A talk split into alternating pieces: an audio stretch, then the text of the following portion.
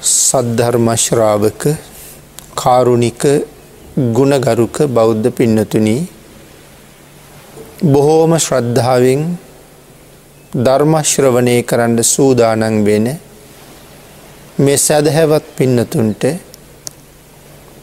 දේශනා කරන්ට අද ධර්ම දේශනාවේ මාතෘකාව හැටියට මම යොදාගන්න කල්පනා කළේ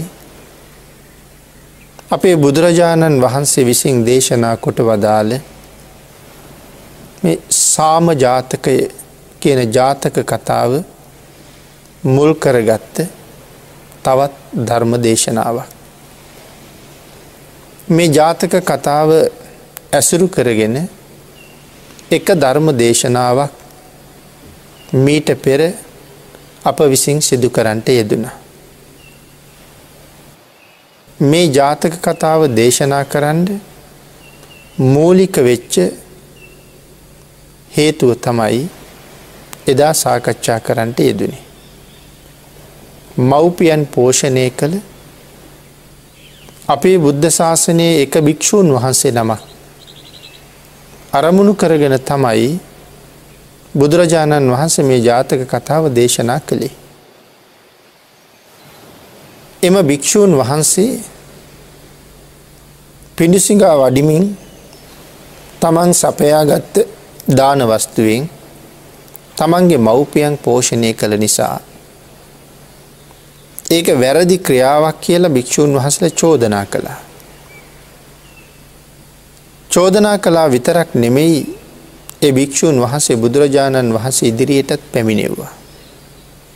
භාගිතුන් වහන්සේ විසින් ඒ භික්‍ෂූන් වහන්සේගෙන් විමසවා ඔබ විසින් පෝෂණය කරන ඒ ගිහි අය කවුද කියලා. උන්වහන්සේ සඳහන් කළා ස්වාමීණි භාග්‍යතුන් වහන්සේ ඒ වෙන කවුරුවත් නෙමෙයි මම හදල වඩල පෝෂණය කරපු මාගේ මව්පිය දෙපළ කියලා. අපේ බුදුරජාණන් වහන්සේ උන්වහන්සේගේ ප්‍රකාශයෙන් තුන් වතාවක් සාධකාර පවත්වලා මහන ඔබත් පෙර මම ගිය මග යන කෙනෙක් කියල දේශනා කළා.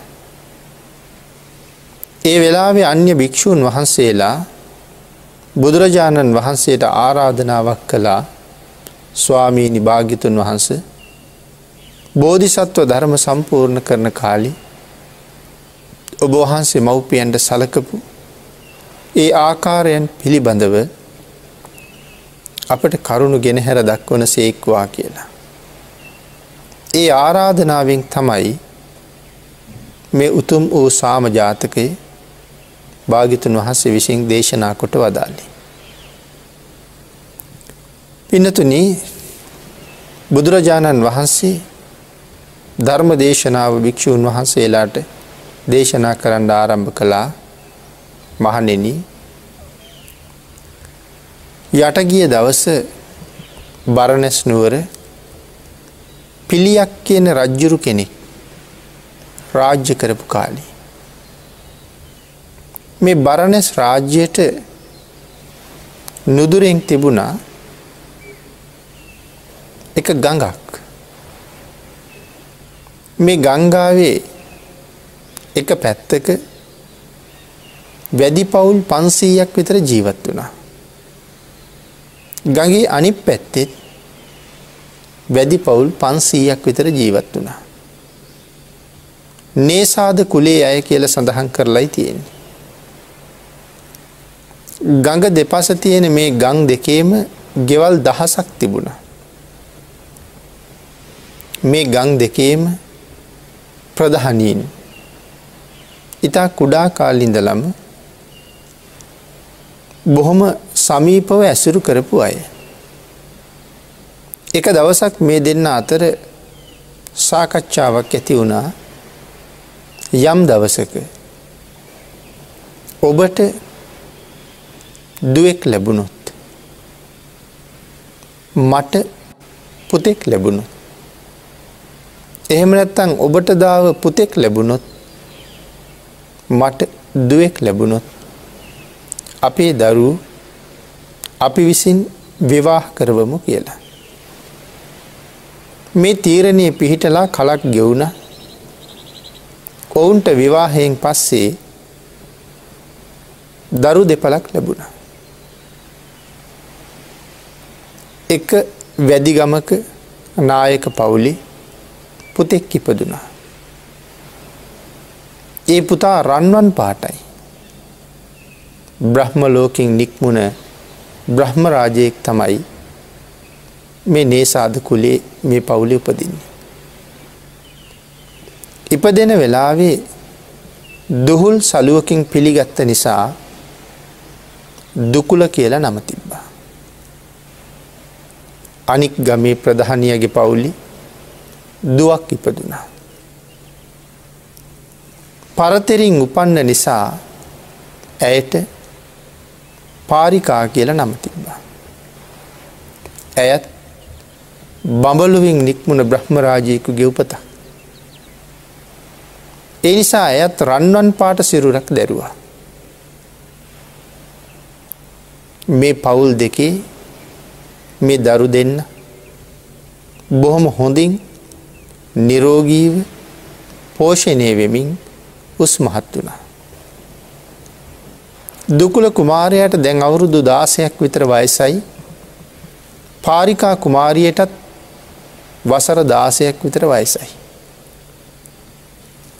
ක්‍රමක් ක්‍රමයෙන් ලොකු මහත් වෙලා වැඩෙන්ඩ වැඩෙන්ඩ ඔවුන්ගේ රූපයේ ලස්සන දකින දකින අයට ඉතාමත්ම ප්‍රියමනාපයි. දිලිසෙන ශරීර තිබුණේ. අවුරුදු දාසයක් විතර වනහම දුකුල කුමාරයාගේ මව්පියූ ඔහුට යෝජනාවක් කළා පුතේ දැන් විවාහයක් වෙන්ඩ සුදුසු වයස. ඒ නිසා අපේ එහා ගමේ බොහොම ලස්සන රූප සම්පත්තියක් තියෙන තරුණ කුමාරිකාවක් ඉන්නවා ඇය ඔබට විවාහ කරලා දෙන්න කැමතියි කියලා. එහෙම සඳහන් කරහම දුකුල කුමාරයා සඳහන් කළා මව්පියෙන්නේ මම විවාහ ජීවිතයට අකමැති. ගිහි බන්ධනයට මම ඉතාම අකමැති. ඒ නිසා එවන් කතාවක් මට කියන්නවත් එපා කියලා මව්පියන්ගේ වචනය පවා තමන්ගේ කනට නෑහෙන්ඩ කන් දෙකම අත් දෙකින් වසාගත්ත කියල සඳහන් කරනවා. පිනතුනී බඹලොවින් ඇවිල්ල ඉපදුන බවයි සඳහන් කළේ. කාම සම්බෝගයක් බඹලොව ඇත්තේම නැහැ. කල්ප ගණන් අති දීර් ගාවිෂයි. එනිසා මේ ග්‍රාම්‍ය වූ කාම සම්පත්තිය පිළිබඳව ඔවුන් ළඟ කිසිම ඇලීමක් නෑ. පිළිකුල් සහගත බවක් තමයි තිබුණේ. පාරිකා කුමරියගෙත් කලවයස හොඳ නිසා මව්පියෝ ඇයටත් ඒ යෝජනාවම කළා බොම ලස්සන රන්වන් සිරුරක් තියෙන තරුණ කුමාරයෙක් එහා ගමේ ඉන්න නිසා ඔහුත් එක්ක විවාහවෙන්ඩ කියලා. පාරිකා කුමාරියත් මව්පියන්ගේ විවාහය කියන වචනය තමන්ගේ කනට වැටෙනවට පවා අකමැති නිසා තමන්ගේ කන් දෙකත් දෑතින් වසාගෙන මව්පියන්ට සඳහන් කළේ මම එවන් ජීවිතයකට අකමැති බව. දුකුල කුමාරයා හසුන් පතක් ලියල හොර රහසේම පාරිකාකුමරියට යැව්වා මම කාමුක ජීවිතයට මෛතුවන සේවනයට ඉතාම අකමැති කෙනෙ. ඒ නිසා විවාහයෙන් පස්සේ කාම සේවනයක් පිළිබඳව ඇල්මක් හැඟීමක් තියෙනවනං ඊට සුදුසු කෙනෙක් සමඟ විවාහ වුනාට කමක් නෑ කියලා. පාරිකා දේවියත් ඒ විදිහටම හසුනක් එව්වා කාම කාමුක ජීවිතයකට මමත් ඉතාමකමැති. ඒ නිසා එහෙම ජීවිතයක් ගත කරන්න බලාපොරොත්තු වෙනවනං වෙනත් යුවතියක් සමඟ විවාහ වුනාට කමක් නෑ කියලා. දෙදෙනගේම අකමැත්ත ප්‍රකාශ වෙලායි තියෙන්නේ දෙදෙනාටම. මව්පියන්ගේ ඇවටිලි කිරීම නිසා ඔවුන් දෙදෙන විවාහ වුණා. සහෝදරයෙක් සහෝදරියක් වගේ ජීවිතය ගත වුණා මිසක් කිසිම කායික සම්බෝගයක් නම් තිබුණෙ නෑ. වැදිකුලේක ඉපදුනත් ප්‍රාණඝාතයට කිසිීම ඇල්මක් දැක්වෙනේ. ප්‍රාණඝාතයට ඇල්මක් දැක්වේ නැතුව විතරක් නෙමෙයි අරගෙන ඇවිල්ල දෙන මසක් මාන්සයක් විකුණන්ඩවත් එළඹුණේ යෙදුනේ නෑ. කාලයේ මේ විදිහට ගෙවිල ගියා මව්පියෝ සඳහන් කළා වැඩි කොලයක ඉපදිලත් ප්‍රාණඝාතයක් කරන්නෙත් නැහැ.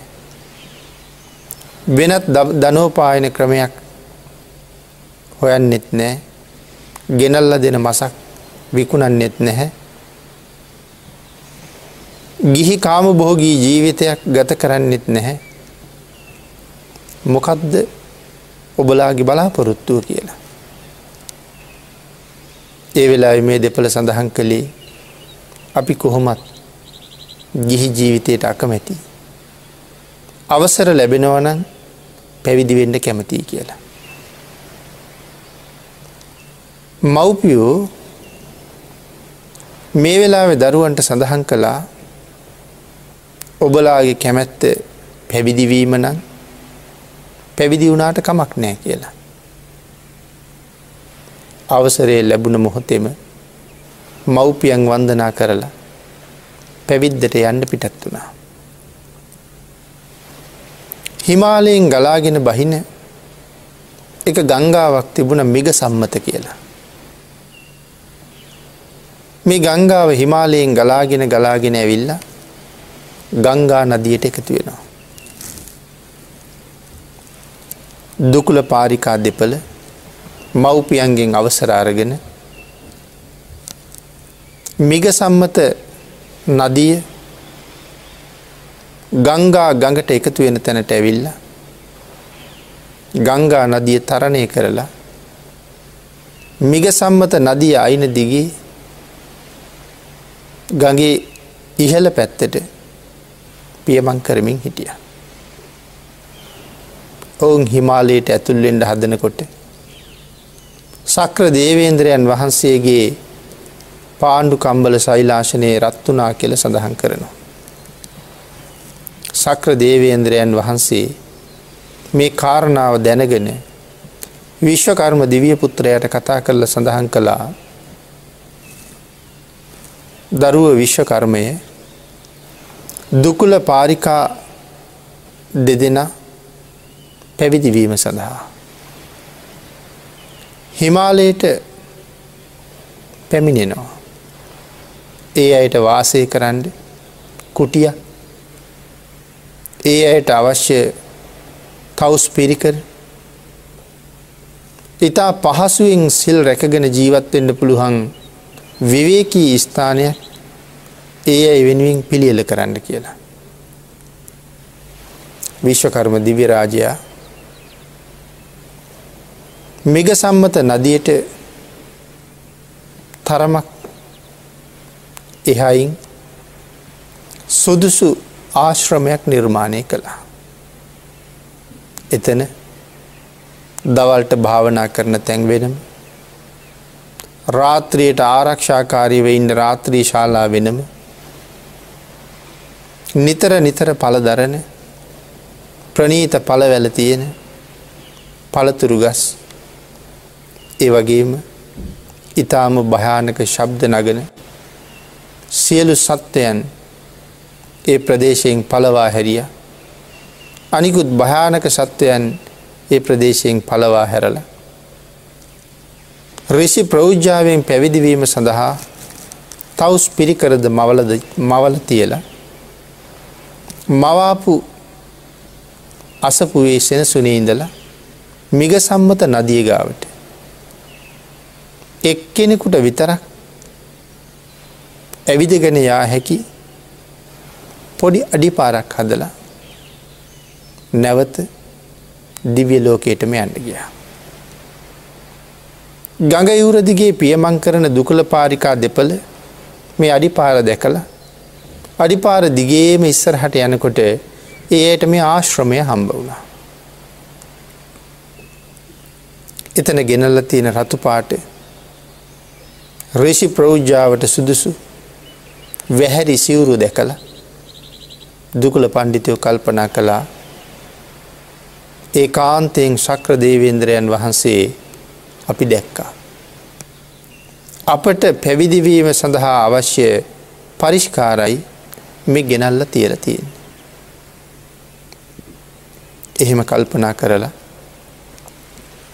තමන් එතෙක් දරාගෙන හිටපු වස්ත්‍ර ඉවත් කරලා සක්‍ර දේවේන්ද්‍රයන් වහන්සේ විසින්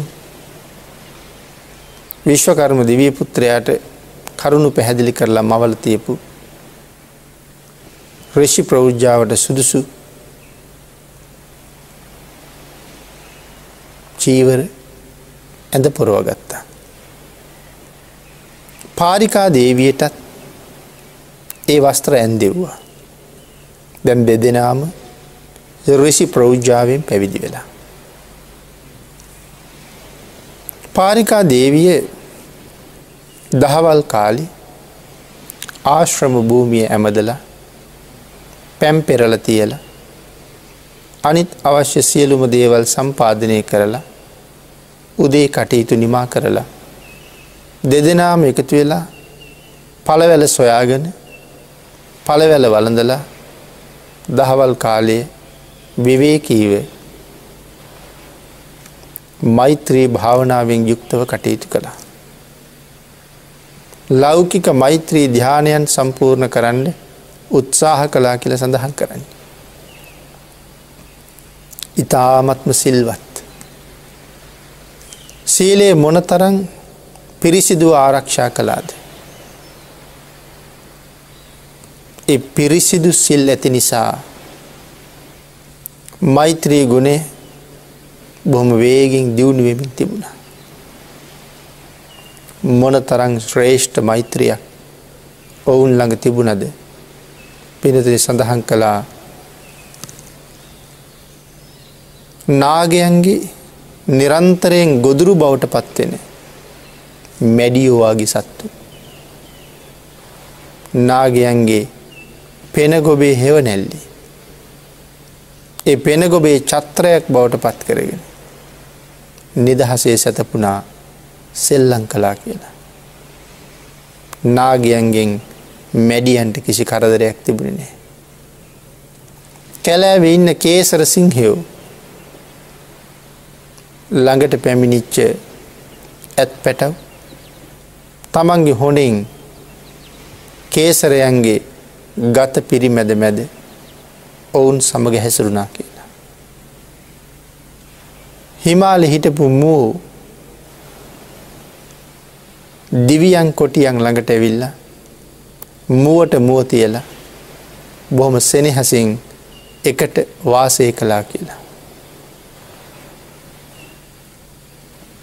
නයිවාගේ සත්තු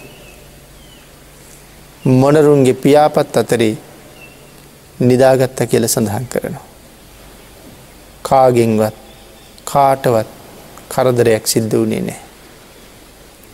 මේ තරම්ම උතුම් මෛත්‍රී ගුණයක පිහිටලා පළුදු නොවී මෛත්‍රී භාවනාව වඩන දුකුල පාරිකා දෙපලගි මේ මෛත්‍රී ගුණේ නිසා මේ සත්තු සිව්පාව තුළ පවා මෛත්‍රයක් ගොඩනැගිලා.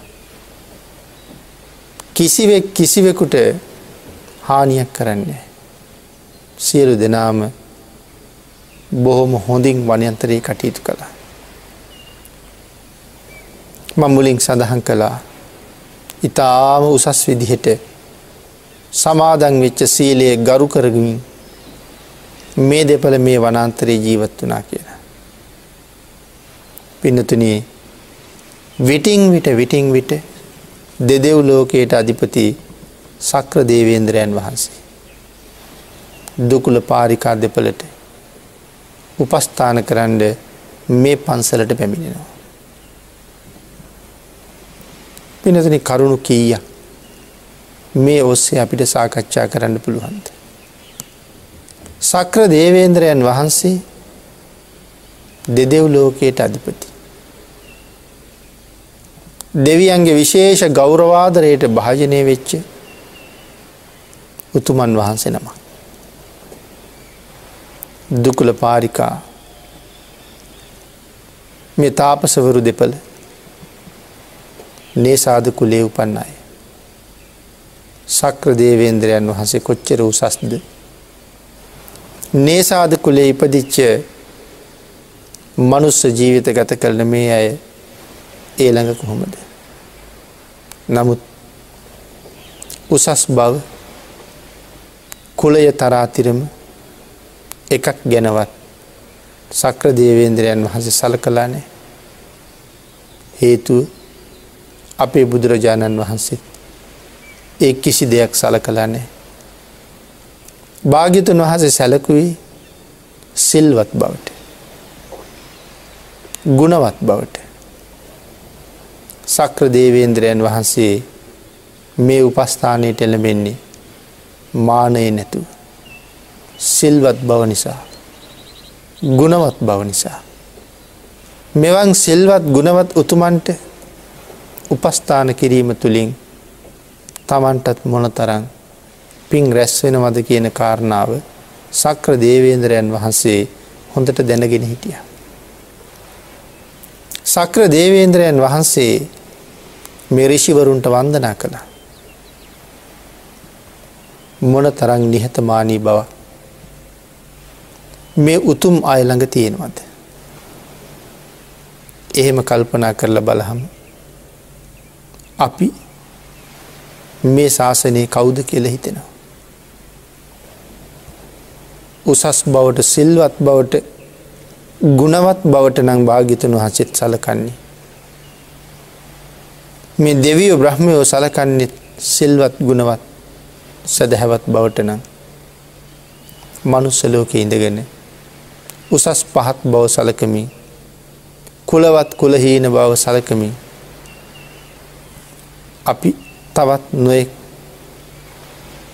පහත් ගතිගුණ ඇතුව ගෙවන ජීවිත මොන තරන් නින්දිතද ධර්මය දකින කෙනෙකුට ඒ කාරණාව හොඳට වැටහි කියල හිතෙන. යම් දවසක එවන් අයගේ සිත්වලට බුදුරජාණන් වහන්සේගේ ධර්මය ඇතුළු වුණ දවසට ඒ පුහු මති මතාන්තරවලින් ඒ අය මිඩෙයි කියල හිතෙනවා.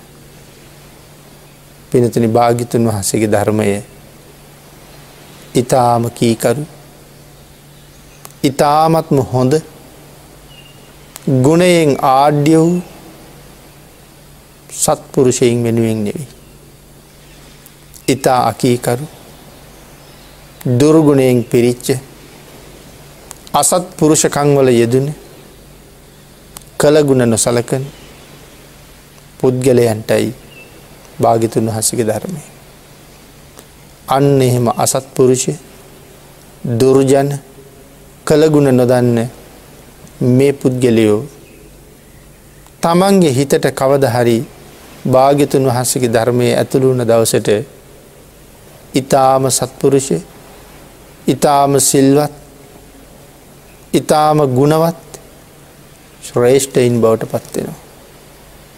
නරක මිනිස්සු යහපත් මිනිසුන් බවට පත් කරන්නයි බුදු දහමතියෙන්.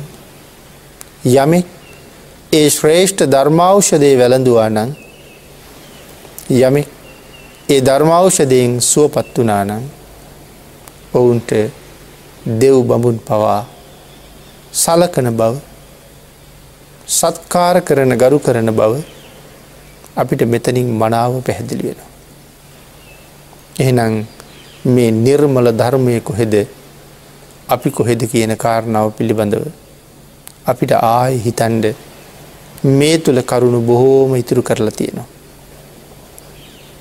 සක්‍ර දේවේන්ද්‍රයන් වහන්සේ මේ දෙපලට ඇප උපස්ථාන කරලා වන්දනා මාන කරලා පිට වෙලා යනවා.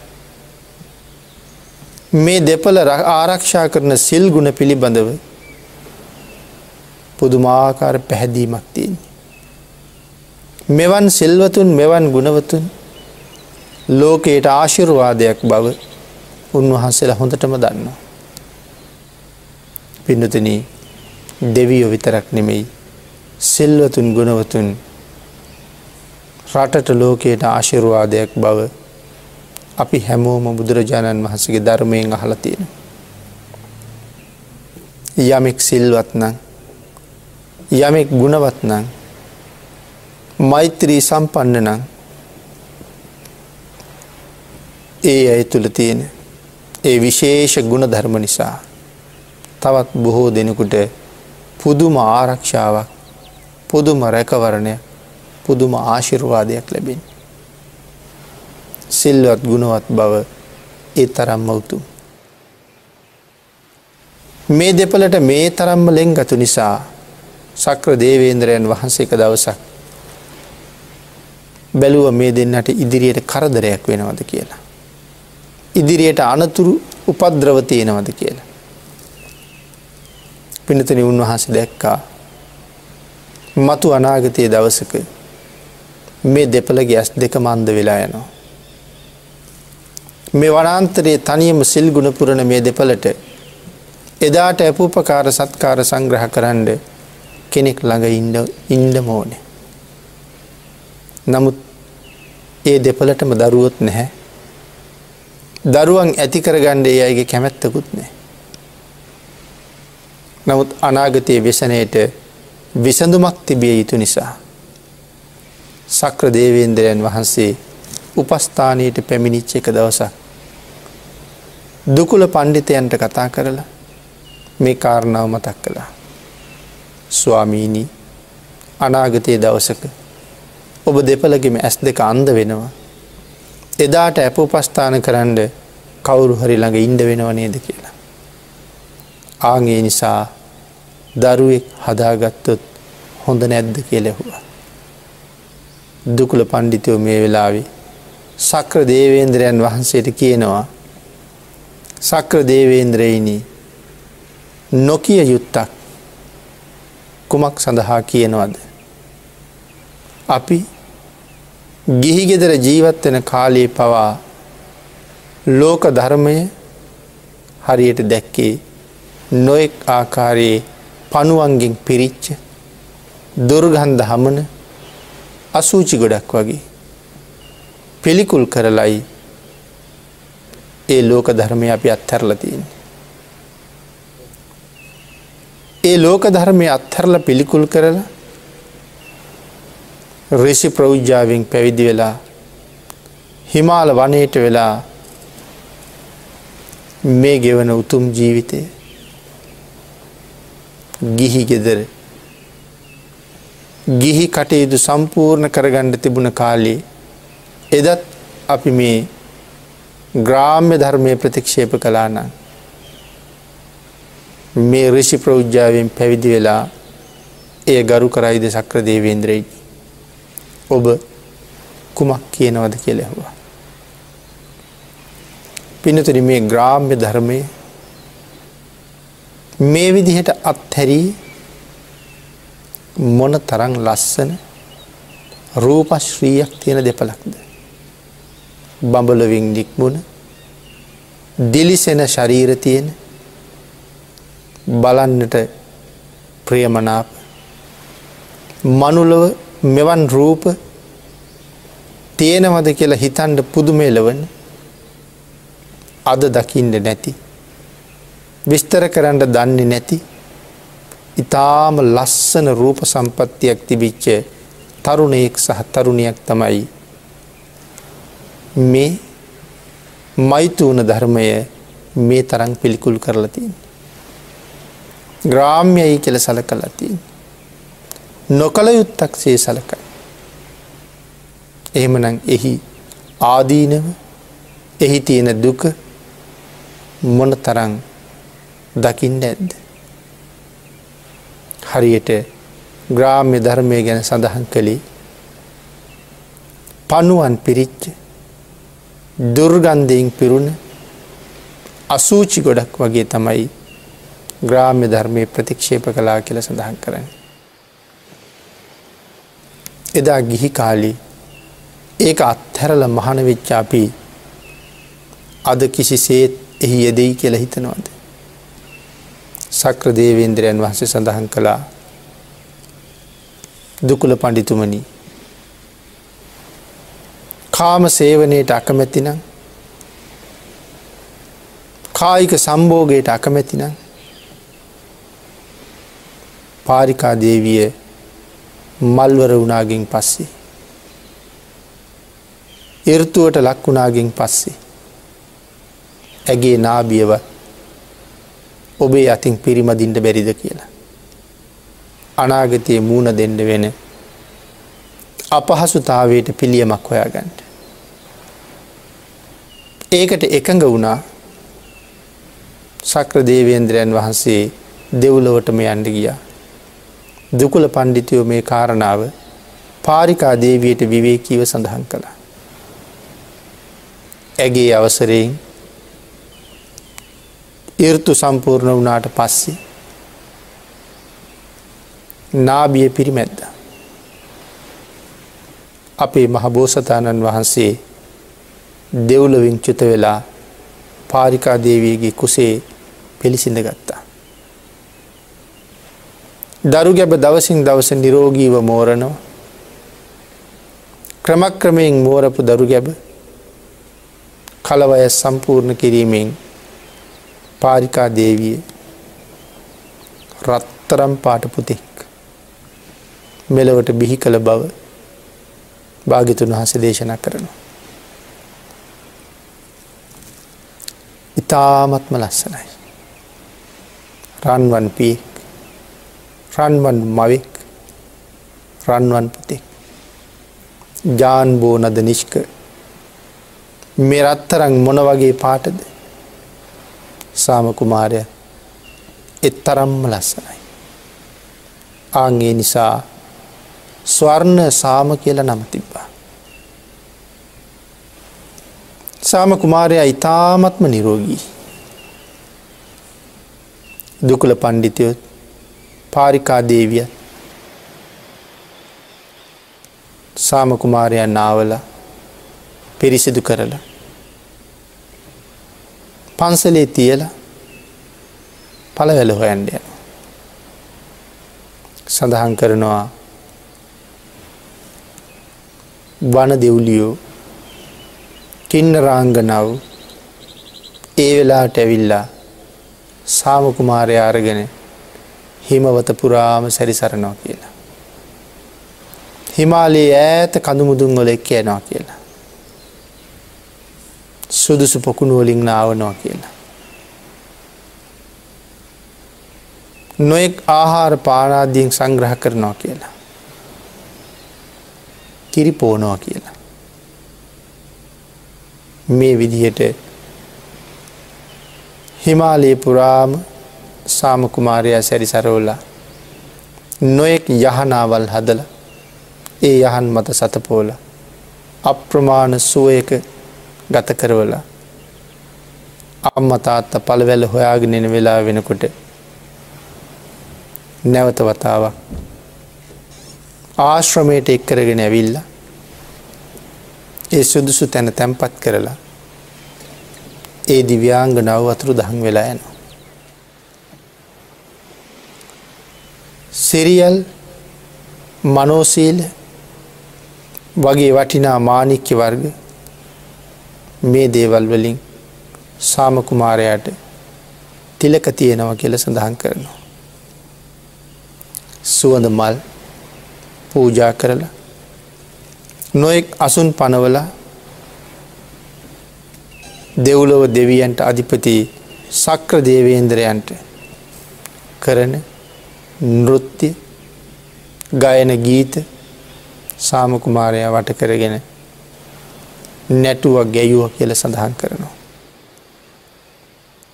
ඒ වගේම ගීතයෙන් මහත් වූ පූජා කරලා පළවැල හොයලා වලට ගිය මව්පියෝ එනකොට පන්සලට එක්කරගෙන ඇවිල්ල සාමකුමාරයා පන්සලෙහි පිනවලා දෙව්ලියෝ යනව කියලයි සඳහන් කරන්න. පින්නතන මේ ආකාරයෙන් කාලයක් ගත වෙලා ගිය. සාම කුමාරයත් එක්ක සිව්පාව් හරීම එකතුයි. සාම කුමාරයට සිව්පාව් හරිම ලෙංගතුයි. සාම කුමාරයාගේ යාළුවෝ බවට පත්වනේ මේ කැලේ ඉන්න සත්තු. විශේෂයෙන් මෝ වගේ සත්තු සාම කුමාරයට බොහෝම ළඟින් එකතු වෙලා හිටිය. අනික් සිව්පාවුත් සාම කුමාරයත් එක්ක නිතර නිතර ගැවසෙන් ඇති. සාම කුමාරයා ඉතාමත්ම නිරෝගීව දවසින් දවස දවසින් දවස හොඳට වැඩිලා ලොකු මහත් වුණා.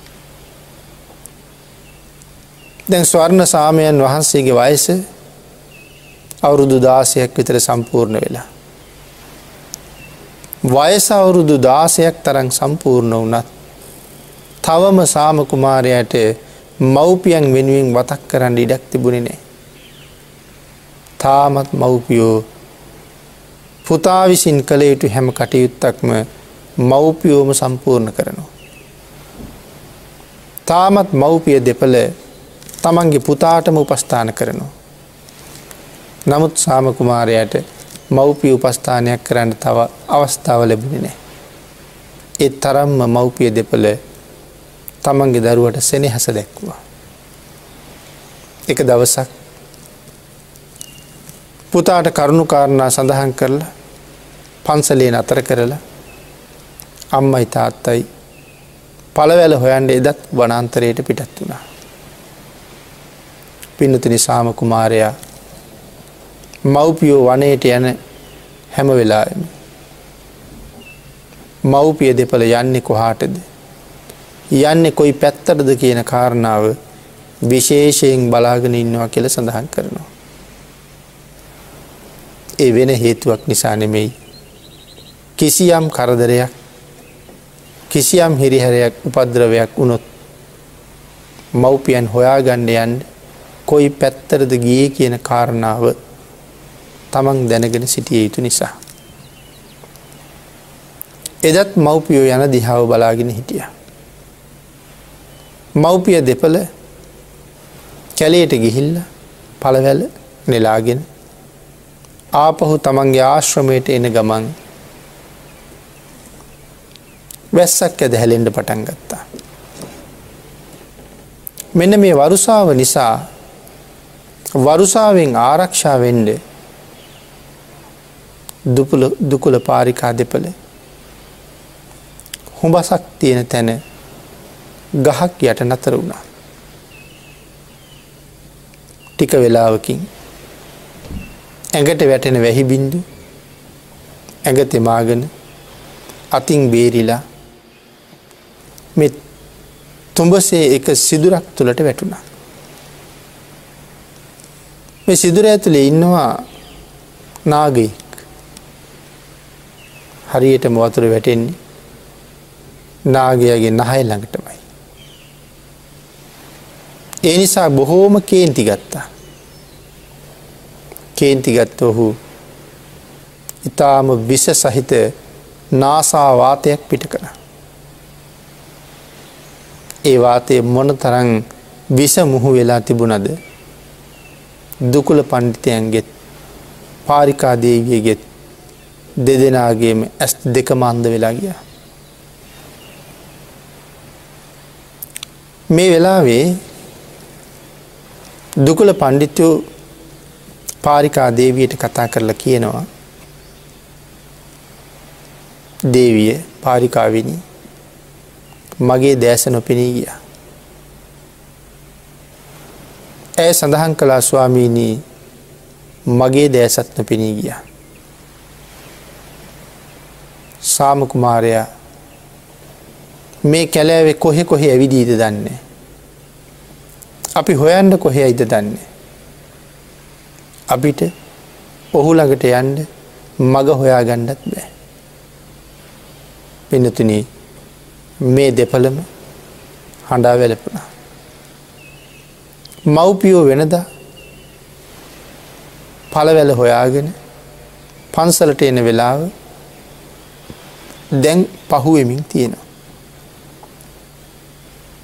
සාමකුමාරයා ටිකින් ටික ආශ්‍රමයෙන් එලියට බැහැලා අම්මයි තාත්තයි පිටවෙලා ගියපු පැත්ත.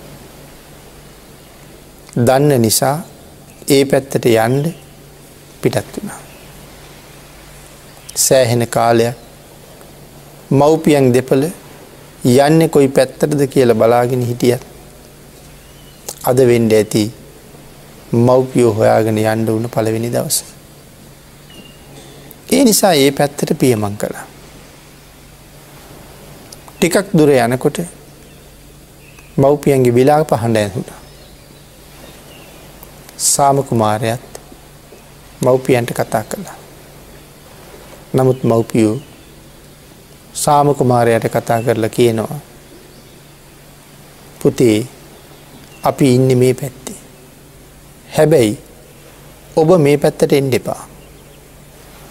මොකක් හෝ නමුත් භයානක විසක් මේ පැත්ති තියෙනවා. එයින් අපේ ඇස් දෙක මන්ද වෙලයි තියෙන්නේ. ඔබ ආවොත් ඔබේ ඇස් දෙකත් අන්ද වෙන්න පුළුවන්. ඒ නිසා මෙහාට නං එන්ඩ එපා කියල සඳහන් කළා. පිඩතුන මේ දෙපළම දන්නවා ඇස් අන්ද වනේ මොන හේතුව නිසාද කියලා. තුඹසක හිටපු විෂගෝර සරපයකුගේ විෂ සහිත දුමක් නිසා.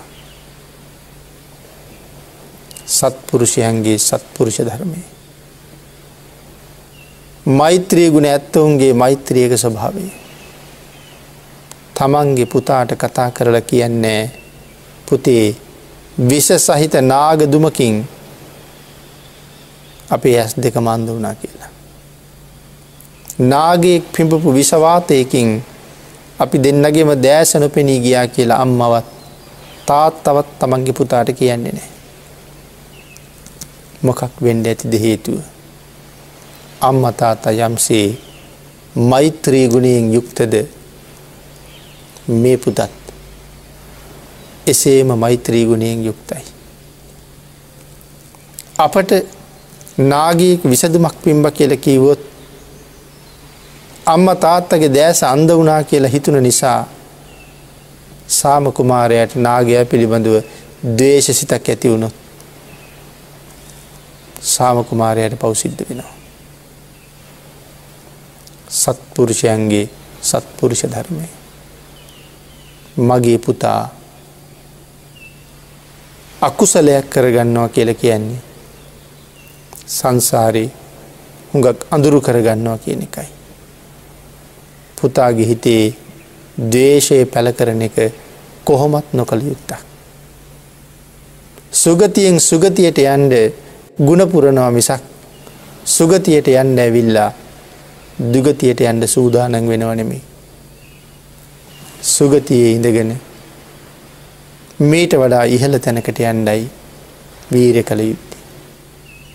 පුතාතින් අල්ප මාත්‍ර කුසලයක්වත් සිද්ධ වෙනවට අකමැති නිසයි නාගේ විසදුමක් පිට කලා කියල කියන්න ඇත්ති. ටිකක් නතර වෙලා සාකච්ඡා කළ යුතු තැනක්. නමුත් පින්නතුනී මේ අම්මයි තාත්තයි දේශ සිතකින් නමුත් තමන්ගේ පුතාගෙන් අකුසල් සිද්ධ වෙයි කියලා දක්වන අකමැත්තත් වර්තමානය අපි දරුවන් පිළිබඳව දක්වන ආකල්පයත්. දරුවන්ගේ සංසාරි සුවපත් කරන්න අපි අරගෙන තියෙන ක්‍රියාමාර්ග මොනෝද කියල කල්පනා කරන්නත්. දරුවන් ලව්ව බොහෝ කුසල් රැස් කරවලා සසර අතරමං නොවෙන පුද්ගලයන් බවට පත් කරන්න අපි කරගෙන යන ක්‍රියාදාමයන් මොනෝද කියලත් හිතන්ඩ අපට අවස්ථාව දීල තියෙනවා ඒ විතරක් නෙමෙයි වෛරයේ දවේශය හිතට එන්ඩ දෙන්නේ.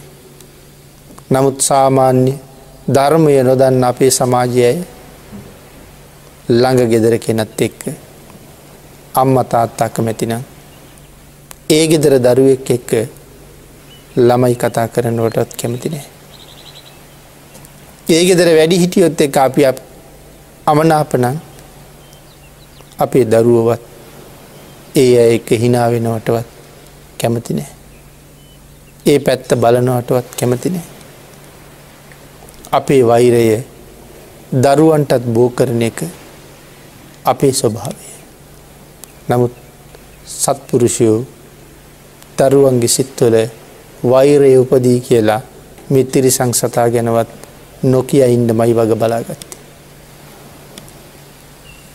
සාමකුමාරයා දිගලීයක් කඩාගෙන මව්පියන් දිහාට ලීය දිගු කරලා මව්පියන්ට සඳහන් කලා මේ ලී අල්ල ගන්න. මේ හිමාල වනාන්තරයේ සමහර වෙලාවට මව්පියෝ ඉන්න තැන හෙලක් වගේ වෙන්ඩත් පුළුවන්. එතනින් ගොඩට එන්ඩ කරන ආධාරකයකුත් දෑසන පෙනෙන මව්පියන්ට අල්ලන කනවැලක් බවටත් පත්තෙන්ට පුළුවන් මේ ලීයක් දික් කරන එක. මව්පිය දෙපළ එහි ආධාරයෙන් හිටපු තැනින් සාමකුමාරය ළඟට ආවා. අම්මගේ තාත්ත ගෑස් දෙකම පේන්නේ සාමකුමාරයා ඒ දුක දරාගණ්ඩ බැරුව අඩන්ඩ පටන් ගත්තා. ටික වෙලාවක් අඩපු ස්වර්ණ සාමයන් නැවත හයියෙන් හිනාවෙන්න පටන් ගත්තා. අඩාණ්ඩා හිටපු සාමයන් හිනාවෙනව ඇහිලා අම්ම ඉතාත්ත යහනුවපුතේ හිනාවෙන්නේ ඇයි කියලා. සාමකුමාරය කියනවා මට දැන් දාසය අවුරුද්දක්. අද මෙතෙක් වෙනකං මගේ වත්ත මගේ කටයුතු ඔබ දෙපළමයි කළේ. මට මව්පියන්ට උපස්ථානයක් කරන්න අවස්ථාවක් තිබුණෙම නෑ. මම දැන් තරුණයි. මට තරුණ අවදියේම මගේ අම්මගේ තාත්තගේ වත් පිළිවෙත් කරන්න අවස්ථාව ලැබුණා. මව්පියොත් තරුණයි. දීර්ඝ කාලයක් මව්පියන්ට උපස්ථාන කරන්න අවස්ථාව ලැබිලයිතියෙන්. තමන්ගේ අම්මටයි තාත්තටයි සලකණ්ඩ අවස්ථාව ලැබීමේ සතුටයි සාමකුමාරයා සිනහවෙන් ප්‍රකාශ කරන්න. එනම් අපිට වඩා සෙල්වත් ගුණවත් උතුම හුඟක් වෙනස් බව අපිට පැහැදිලි වෙනවා. පිඩතුනී ධර්ම දේශනාවට තියෙන කාලේ නිමා වෙලා තියෙන නිසා. සාම ජාතකයේ මුල් කරගත්ත තවත් දේශනා කීපයක් ඉදිරියට සිදු කරන්න ඉඩ තියලා අදට දැනට අපි මේ ධර්ම දේශනාව නිමා කරමු.